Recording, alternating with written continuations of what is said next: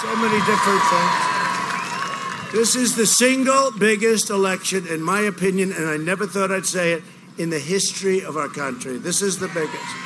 The biggest in the history of our country. An existential moment in American history. Fires are burning, and we have a president who fanned the flames Hail Trump! rather than fighting the flames.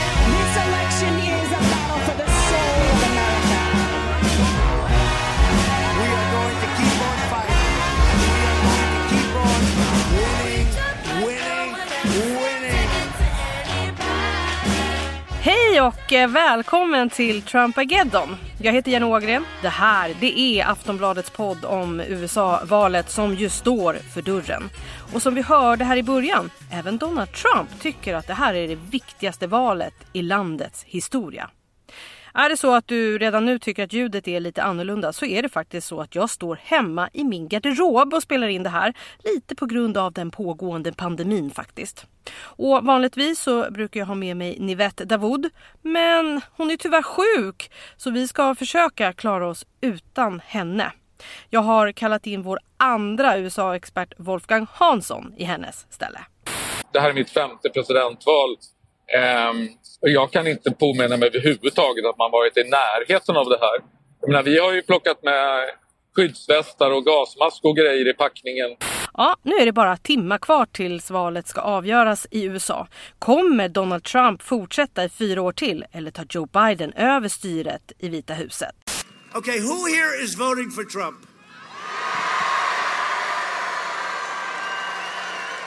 Who here is going to vote for Sleepy Joe Biden? Invånarna i USA hoppas nog på en solklar seger för någon av kandidaterna så att det inte blir en massa bråk och oroligheter som det faktiskt pratas väldigt mycket om nu. Det snackas också mycket om poströster och förtidsröster som faktiskt redan nu har slagit alla typer av rekord i antal. Och det här med röstningen, det ska vi ta ett grepp om i det här avsnittet. Varför är det så krångligt att rösta i USA? Vi ska snacka med Britta Henley som är född i USA men som numera bor i Sverige. Och det verkar inte lättare att rösta härifrån heller. Hon ska få berätta mer om hur hon har försökt att rösta i år. kom det och då måste jag göra det sju dagar innan valet. Men den här kom fem dagar innan valet, så det var redan för sent när jag fick den. Vi ska också höra ifrån Betty Riddle som nu får rösta för första gången i sitt 63-åriga liv. Hon bor numera i Florida men har suttit i fängelse i flera år. Nu är hon fri och får äntligen rösta men vägen dit var inte helt lätt. Vi ska höra vad hon säger om allt det här. Yeah, I'm gonna vote. I don't care what I have to do. I will vote. Då så, då tycker jag att det är dags att vi sätter igång. Hej Wolfgang! Hallå där! Eh, Wolfgang, du är just nu på väg till Scranton i Pennsylvania för att besöka ett valmöte med Donald Trump. Eh, han åker alltså till Joe Bidens gamla hemstad. Ja, det, han vill ju gärna visa eh, Biden och alla demokrater att han inte har gett upp Pennsylvania utan att han vågar sig in i Bidens gamla hemtrakter för att försöka få, få väljare där. Eh, så det är väl en anledning till att han så här sista valdagen lägger in det på sitt schema. Hur är stämningen annars då i Biden-kampanjen just nu? Den är väl ganska försiktigt optimistisk om man säger så. De är, de, eh, det pratas ju väldigt mycket om post, posttraumatiskt stresssyndrom här i USA när det gäller Demokraterna. Att de fortfarande är alldeles groggy efter Hillary-förlusten eh, 2016. Och de vågar inte, inte riktigt lita på de här opinionsmätningarna som trots allt är ganska positiva för, för Biden.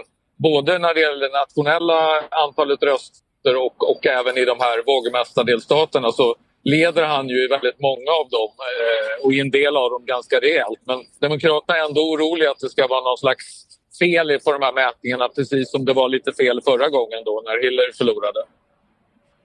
Ja, och sen eh, som, du, som, som sagt, nu är Donald Trump på väg till, till Scranton. Men om vi säger då Biden, vad var det egentligen som hände i helgen när eh, bilar omringade hans eh, kampanjbuss? Ja, det var ju Trump-anhängare i Texas tror jag det var som eh, eh, bildade någon slags mur runt den här bussen med sina subbar och, och trucks som de körde på motorvägen och tvingade bussen att eh, sänka hastigheten väldigt kraftigt. Eh, och det var ju så illa så att eh, de ombord på bussen i, i kampanjstaben de ringde ju alltså 112 eller 911 som man ringer här i USA då. Eh, till polisen helt enkelt för att de var oroliga för sin säkerhet. Eh, så att det var ju ganska allvarlig incident kan man säga även om de som gjorde det säkert tyckte att det var mest var en kul grej. Men jag tror inte att eh, de som var ombord på bussen uppfattade det så. Det verkade ändå som om Donald Trump tyckte att det var en bra grej som de gjorde. Ja, han, han tyckte inte det var något fel. Eh, och det är ju så här att han, särskilt nu här i slutet på kampanjen så märker man hur han, han vill absolut inte kritisera sina egna supportrar för någonting utan han vill ju eh, trumma upp eh, engagemanget hos sina supportrar och stämningen att de alla ska gå och rösta, alla ska känna liksom vi är på väg att ta igen det här försprånget och vi kan vinna. Och, och då vill han inte dämpa det genom att säga nej det där var kanske inte så bra, det där var lite dumt gjort och så. Andra i Trump-kampanjen har bett om ursäkt för det här men, men Trump själv gör inte det utan han snarast uppmuntrar den här typen av aktiviteter. Om vi tittar lite på Joe Biden då, hur skulle du säga att eh eh, vad heter det, hans strategi är så här de sista dagarna? Ja, för första gången nu så har han ju de senaste dagarna varit ute och kampanjat ganska mycket. Han har varit runt i ganska många delstater de senaste dagarna och idag så är han också här i Pennsylvania fast inte i Scranton då. Och sen så har han faktiskt lagt in ett stopp i Ohio och det är väl hans sätt att visa att han minsann tror att han kan vinna Ohio trots att det egentligen är Trump-country numera. Eh, Trump vann ju den ganska komfortabelt eh, förra valet. Men nu har de uppenbarligen egna mätningar, Demokraterna, som visar att han, det finns en liten chans att de skulle kunna vinna i Ohio. Och därför så har Biden lagt in ett, ett stopp så här sista kampanjdagen där. I Cleveland. Eh, Wolfgang, tror du att det kommer komma några politiska nyheter så här i sluttimmarna? Svårt att säga. Jag tycker att det har varit, eh, de senaste veckorna har varit ganska lugna på ett sätt här i valkampanjen. Det har inte varit det var, I början var det en del överraskningar i slutet på september, början på oktober. Men sen dess har det varit ganska lugnt tycker jag. Eh, jag har svårt att se vad det skulle kunna komma för överraskningar. Det är ju om det dyker upp någonting nytt när det gäller den här Hunter Biden-affären. Den vill ju gärna Republikanerna liksom eh, pusha på så att den ska få mer eh, coverage, vad säger man på svenska? Eh, att det ska skrivas om det mer i media. Eh, för att det är ganska tyst om den här därför att man, man helt enkelt, det finns liksom inga tillräckligt starka uppgifter tycker många amerikanska medier för att man ska liksom gräva vidare i det här. Vi brukar alltid kolla lite på opinionsläget eh, även om det är svårt att lita på siffrorna eh, känns, vi, känns det ju ibland. Men hur är opinionsläget nu? Det verkar ju ändå som om Biden har det bästa läget på 12 år. Inte sedan 2008 så ska en kandidat haft så stort övertag enligt New York Times. Nej, han leder ju, han leder ju väldigt stort i de nationella mätningarna. Alltså med typ 12 procent eller någonting. Eh, det, det skiljer sig från olika mätningar så att det är svårt att säga exakt. Men men det är en väldigt stor ledning. Men problemet är att det är inte den nationella... Han kan ju få hur många röster som helst. Så länge han inte vinner de viktiga delstaterna så blir han ändå inte president. Men han leder ju faktiskt även i väldigt många av de här eh, vågmästarstaterna. Och i, i både Pennsylvania, Wisconsin och Michigan som Trump vann förra gången. Där har han ganska stora ledningar med 5% eller mer. Så att eh, det ser ju väldigt ljust ut på pappret för, för Biden. Men som sagt, de, de vågar inte riktigt lita på det. Skulle de här staterna som du nämnde nu, eh, skulle du säga att det är de delstaterna som det kommer handla om till slut? Eh, och Florida och North Carolina.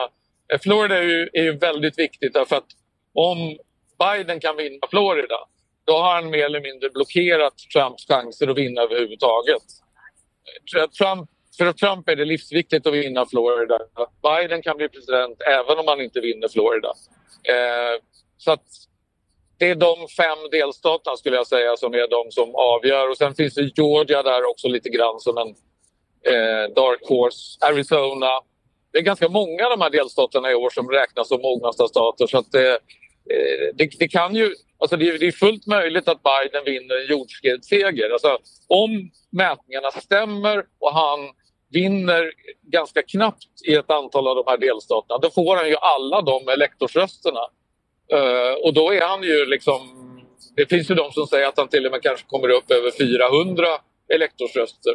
Uh, och det har ju ingen gjort på väldigt länge. Sen är det ju så Wolfgang, det är ju rekordmånga som har röstat i förtid. Vad tror du att det har för betydelse för utgången?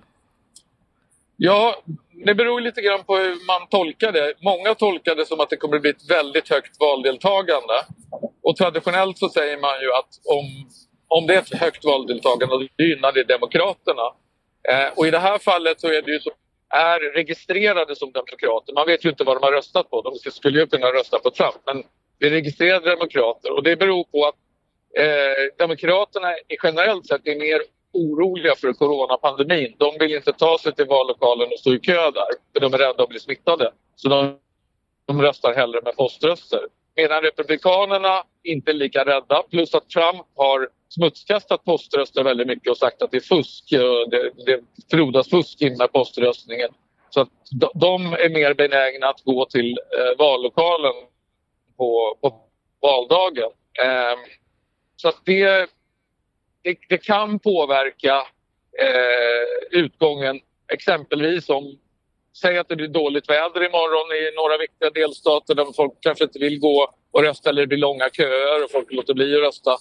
Eh, då skulle det kunna påverka utgången. För många demokrater har ju redan röstat och det menar, totalt sett så, jag såg en siffra igår, jag tror det var nästan 94 miljoner som hade röstat och det var ju två tredjedelar av alla som röstade i valet 2016. Så att det är ju ett enormt högt eh, antal som har förhandsröstat. Det är ju ändå rätt så krångligt att rösta i USA.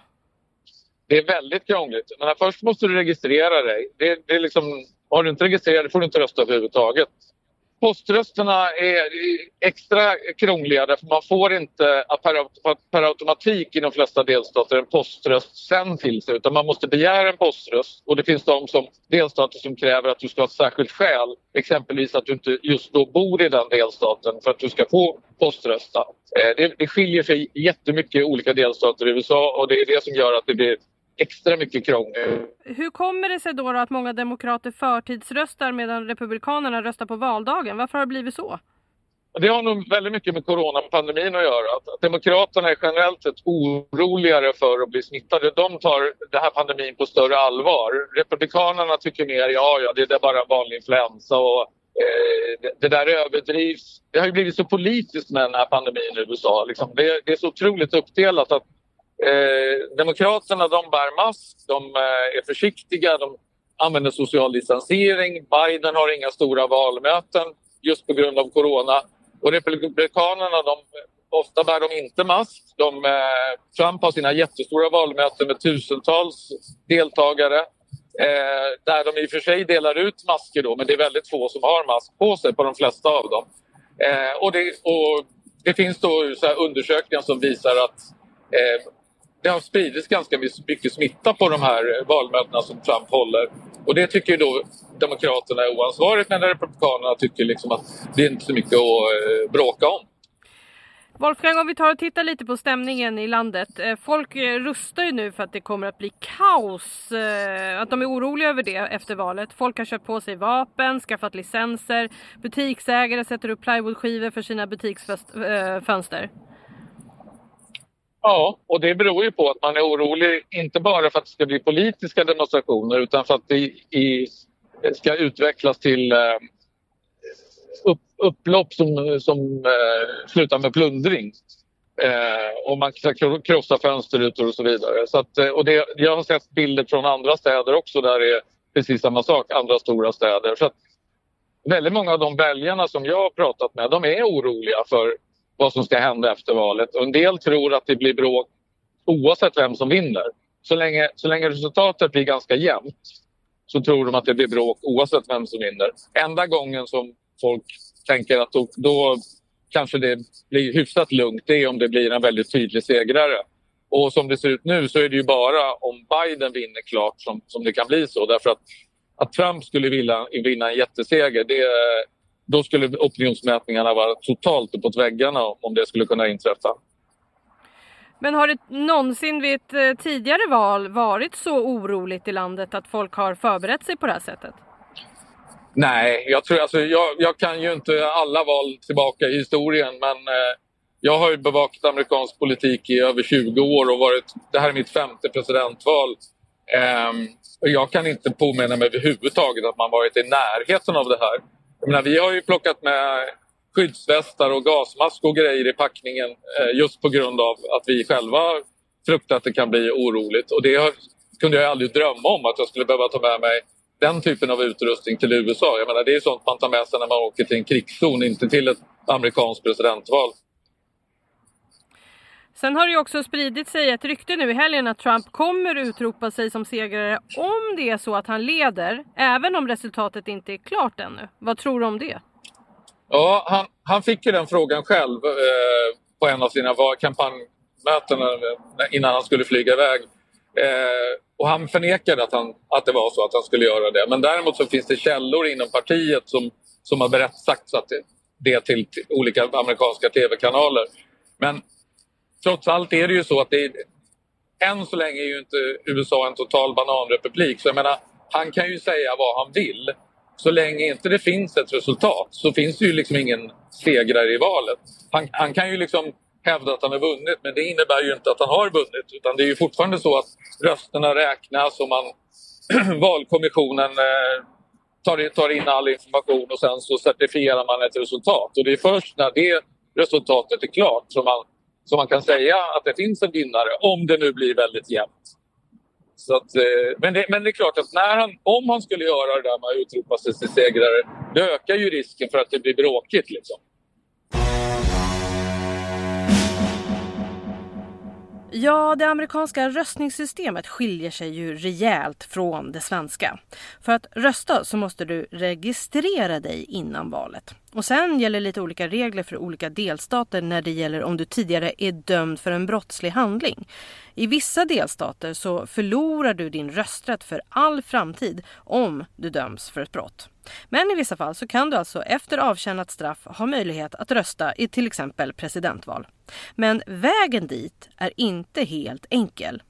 Vår producent Martin Ågård han har pratat med Betty Riddle som suttit i fängelse i flera år men som nu vid 63 års ålder ska rösta för första gången.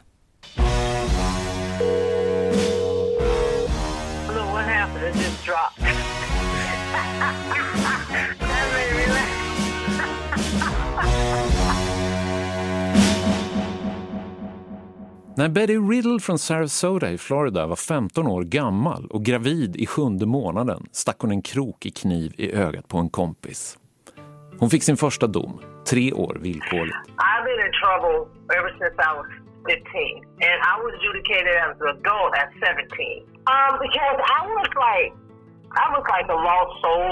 You know, I didn't have, when I lost my mom at 12 and my dad had drunk himself to death and I had, was in abusive, I was raised by aunt and had nine kids. I was very abusive. 2002 fick hon sin femte fängelsedom. Då hade hon ett 25-årigt crackmissbruk bakom sig. Men den här gången hände något inne på anstalten. Hon hade börjat lyssna på radio, på gospel. One day I heard this pastor in church say that God doesn't change who you are, He changed what you have become.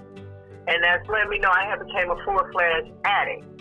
I was a good person inside and I know I had the ability to achieve whatever I wanted to achieve and that day changed my life. Hon muckade upplyft av sin nyfunna kärlek till Jesus. Hon startade en foodtruck, köpte en bil, skaffade lägenhet, pluggade, tog examen och fick till slut jobb på Public Defenders Office hos de advokater som en gång i tiden försvarat henne. Betty kunde verkligen göra allt hon ville, utom en sak, att rösta. So once you come a convicted felon, you lose your right to vote for life. So you go through life not knowing that you can't never vote. How does this make you feel? Angry. I'm angry and I get angry sometimes. I, I do. I'm angry sometimes. I'm, sometimes I get stressed waiting on a decision. How old are you now? Hmm? How old are you now? I'm 63. Sedan 1845 är före detta brottslingar förbjudna att rösta i Florida.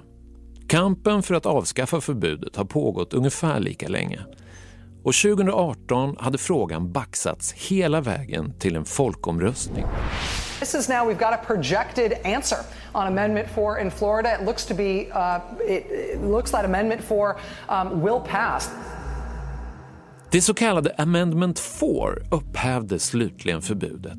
Inte för alla. Mördare och sexbrottslingar fick fortfarande inte gå till valurnorna. Och ett halvår senare införde den republikanske guvernören Ron DeSantis ytterligare ett förbehåll. Alla som röstar måste ha betalat sina skulder till delstaten. En omöjlighet för de flesta. Att ens räkna ut själva summan var extremt komplicerat. Så just nu hindras runt 700 000 personer från att rösta i Florida. Hälften av dem är svarta. Once they pass that bill, that means we can vote. We don't have to worry about no sanctions. We don't have. We was just like the ordinary people. But when then you came back six months later and said court costs and fines, well then you'll sanction us again because why ain't everybody paying it? Why are you making felons pay it? Because it's a sanction that was taken off in 2019 and y'all imposed it on us. Don't try to make it seem like it's court costs and fines. Y'all don't want um, former felons to vote. Period. Point blank. You don't want us to vote, and you you don't have the balls to say it. You're using money. Det här är en poll tax, säger Betty. Att tvingas betala för att få rösta är förbjudet. Så Betty och 16 andra före detta fångar stämde guvernör DeSantis. De förlorade och överklagade och förlorade igen. Domstolarna dominerades av republikanska domare och frågan är extremt politisk. Florida, som sträcker sig från den djupaste södern till urbana Miami, är den mest oförutsägbara staten i amerikanska val. Närmast perfekt delad mellan republikaner och demokrater. År 2000 kunde valresultatet inte ens fastställas utan avgjordes av ett beslut i Högsta domstolen. 700 000 nya röster skulle förändra jämvikten. Totalt. If we vote, we will vote Democrat, and they know that. Because we don't like the way President have ran, uh, Trump has ran this country, and he know we're going to vote. So if we vote, they will lose control of the House. That means this is stopping us from voting. Because it's like probably 700 probably won't vote. 700,000 probably won't even get a chance to vote. Betty har nu ställts inför ett svårt val. Om hon betalar sina skulder kan hon inte längre överklaga sitt fall till Högsta domstolen. Hennes kamp mot guvernör DeSantis måste tas över av någon annan. Men hon har bestämt sig. Yeah, I'm going to vote. I don't care what I have to do. I will vote. How will it make you feel, do you think? Oh, you'll see because I'll probably make TV. Do you think the black community will vote for Biden? yes, yes. All of everybody I know is voting for Biden. Every house I went to, nobody. I'm thinking nobody's. Oh, you might have some people voting for Trump, but I doubt it. Not in my community. I think they got mad when he tried to take away food stamps. Think they got pissed off dead. I think they stopped liking, liking him at that point. They could dress up a pit, a dog, and put him in a suit. I vote for him, Trump. be a bitch, boy, I don't care. I just want to vote and get him out of here. That's all I want right now. Här hörde vi Betty Riddle som alltså ska rösta för första gången i år. Wolfgang, du har ju också träffat fångar i samma situation som eh, Betty som vi nyss hörde. Ja, jag har eh, pratat med en eh, kille som satt inne i, väldigt många år som levde på samhällets botten och som sen bytte liv och, och eh, har varit fri väldigt länge. Men det här är det första presidentvalet han får rösta i därför att eh, i Florida så har man, tar man bort rösträtten för alla eh, som blir dömda till fängelse. Eh, och nu, han jobbar då för att man, man ska få tillbaka rösträtten och man hade ju en, en folkomröstning i Florida för två år sedan där man röstade för att eh, man, man skulle ge tillbaka före detta fångar sin rösträtt. Men eh, sen har republikanska guvernören satt upp en massa hinder för det här så det har inte blivit så i alla fall. Det är fortfarande typ 700 000 som inte har fått tillbaka sin rösträtt som inte kommer att kunna rösta i det här presidentvalet. Och, och det är det som eh, han då jobbar för att eh, han ska ändra på till nästa val. Donald Trump och hans administration försöker ju göra rätt mycket för att stoppa en hel del röster i olika delstater bland annat. Ja, och det, det, man ska säga det, det är inte bara Donald Trump utan det är ju de republikanska guvernörer och eh, olika politiker på lokal nivå. Eh, eh, som i Texas till exempel, då har man, eh, försökt man slänga ut 129 000 röster därför att de har röstat på en drive-in omröstning, alltså drive-in-ställe där man kunde lämna sina röster. Och det menar de att det är olagligt att rösta på ett sånt sätt. Eh, det finns massvis med sådana här olika lagar som man, eh, när det gäller till exempel i, hur man ska identifiera sig. Väldigt många eh, fattiga människor här, de har inte eh, ett sånt här nationellt ID-kort, för det finns inget sånt här i USA. De har in, kanske inget drivers license, alltså körkort. Eh, och då har delstater infört sådana här regler som gör att det är svårare för folk att välja. Eh, det, det, är liksom, eh, och det är främst republikanerna som ägnar sig åt det här därför att det är de som eh, har nytta av att eh, de fattiga inte får rösta. För de fattiga och minoriteterna de röstar oftare med Demokraterna än med Republikanerna. Så att de tjänar på det här att inte låta alla rösta.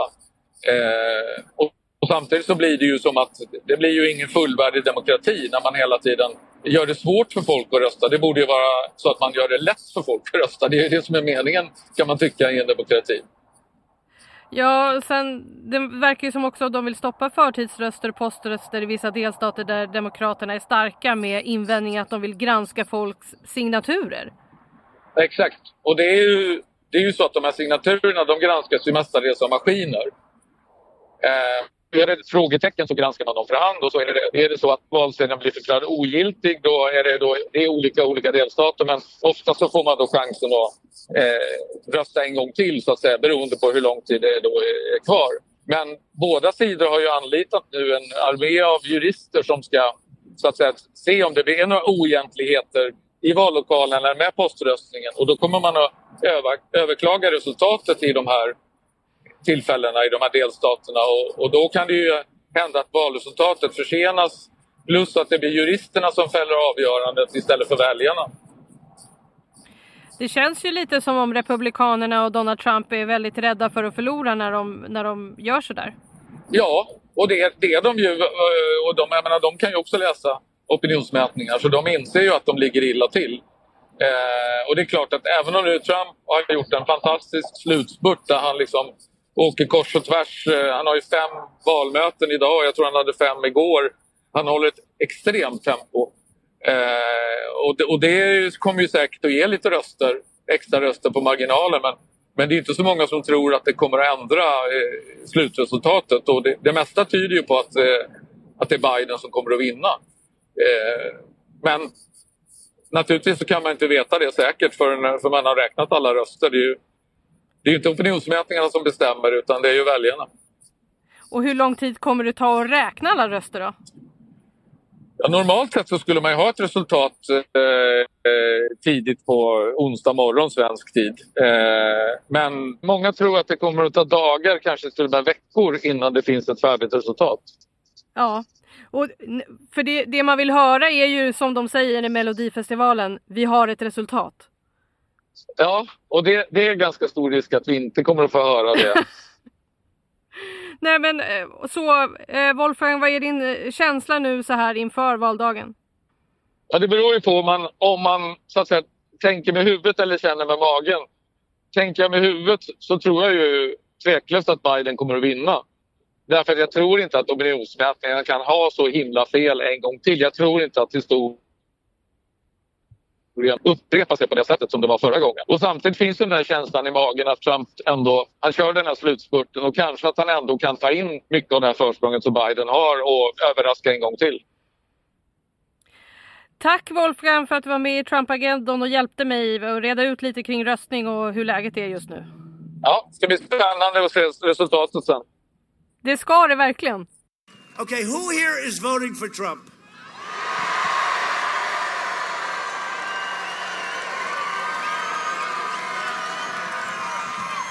Thank you. Thank you. Thank you.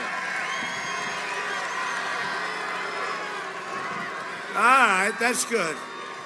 And are you waiting till the? Tell me, are you waiting till Tuesday to do this? Which is okay. Good if you could get out now. Is anybody sending in a ballot? Or are you going in and doing it the old-fashioned way? That's what I did. I just did that. Ja, här i Sverige så bor det flera invånare som får rösta i det amerikanska valet. Men om man verkar tycka att det är knöligt att rösta i USA så är det nog ingenting mot hur det är att rösta i amerikanska valet om man befinner sig utomlands. Vi ska prata med Britta Henley som är född i Philadelphia men som numera är bosatt i Stockholm. För fyra år sedan så röstade hon för första gången för att få bort Donald Trump. Hej Britta! Hej hej! Du, nu är det snart eh, valdag i USA och du hade tänkt rösta härifrån Sverige. Men hur funkar det egentligen? Ja, det funkar ju inte alls faktiskt. Um, jag har ju inte röstat alltid. Men jag kände förra gången, vad var det, 2016, att det var jätteviktigt att rösta. Och då eh, får man ju, man måste ju register to vote. Mm. Eh, som det heter. Och då funkar det faktiskt. Så jag röstade förra valet. Och som jag minns det då så var det ganska, alltså som jag kommer ihåg det var det liksom processen att, att registrera för att rösta då. Den var väldigt krånglig, men sen när man då fick det här röstkortet eller den här ballotten då, då eh, så var det liksom skrivet, alltså det var supersimpelt, det var bara att sätta ett kryss. Jag minns inte ens att jag behövde liksom signera det. Så att själva processen för att få sin voting ballot var liksom komplicerad, men sen fick jag den i alla fall. Det var inget mer med det. Men i år har det liksom, jag har gjort allt möjligt för att försöka få min, mitt röstkort då, eller min voting ballot, men jag har inte lyckats få den. Och det sista som hände nu var att jag eh, hade fått hem ett brev i förra veckan, om det var i fredags, och blev jätteglad. Nu har röstkortet äntligen kommit. Och då var det så nämligen efter alla turer hit och dit att det var bara att jag fick rösta på plats, det vill säga i USA. Och vill jag ha en absentee ballot, då måste jag eh, ansöka om det och då måste jag göra det sju dagar innan valet. Men den här kom fem dagar innan valet, så det var redan för sent när jag fick den. Vad kände du då? då? Jättetrist eller frustrerande eller något. Jag har verkligen försökt eh, rösta för jag känner att det är jätteviktigt. Men det har varit helt kört. Jag, man får nästan en känsla av att det är något som inte riktigt stämmer. Att det är någon som kanske inte vill att man ska rösta. För att det har liksom inte gått. Och jag har några syskon som är eh, dubbla, som jag också är då, då eh, som också har försökt rösta och inte lyckats. Och till och med min lilla systers flickvän är ju också amerikan, halvamerikan. Och hon har inte heller. Så att ingen av oss inom familjen har lyckats rösta. Så det är inte bara jag. Men, utan det har inte gått för någon. Nej, för det var det jag funderade på. Är det så att de inte vill ha era röster ifrån utlandet? Alltså det känns som att det skulle kunna vara lite så faktiskt. Och jag skulle kunna tänka mig att som europé då, eller vad man ska säga, att det är fler som skulle rösta demokratiskt, alltså på det demokratiska men, eh, och det är därför de kanske inte vill att man ska rösta. Men eh, finns det någon i familjen som har lyckats rösta? Nej. Inte ens flickvännen som är i familjen, fast ändå inte familj, utan en annan familj. Men ändå, hon har inte heller lyckats rösta. Ingen av oss har fått våra röstkort. Jag fick ju som sagt var att jag fick rösta där. Och eh, hade jag fått det lite tidigare hade jag ju, ja, jag slänger mig på ett plan och röstar. Men det går ju absolut inte nu då i covid. Nej det, nej, det gör ju inte det. Det är det som är, är, problemet. Men eh, hur kommer det, eller varför tycker du att det är så viktigt att rösta då? Ja, eh, jag är ju inte en Trump-anhängare då, då. Så för mig känns det jätteviktigt att rösta för att inte rösta på honom så att säga.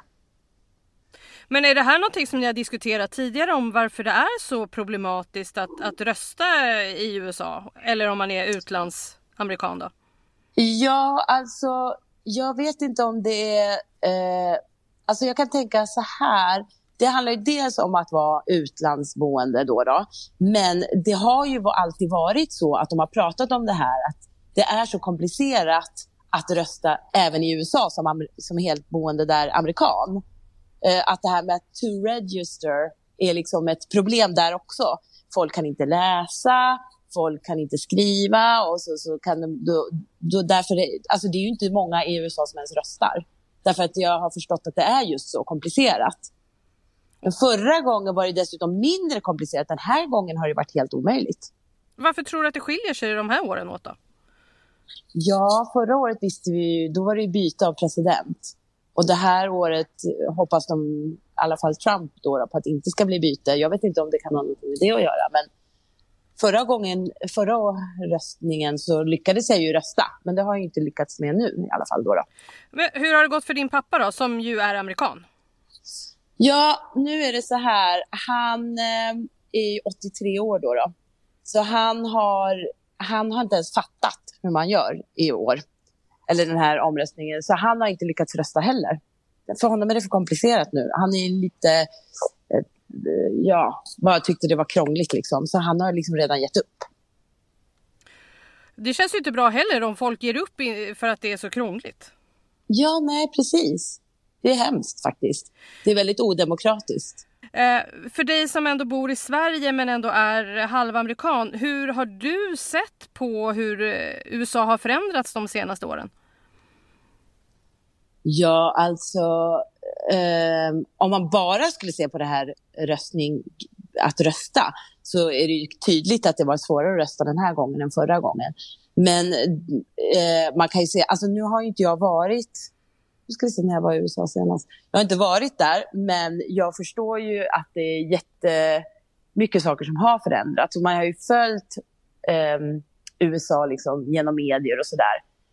Eh, bland annat läste jag någon hemsk artikel om de här Proud Boys har man ju läst om. Och bara en sån sak, jag blev helt mörkrädd.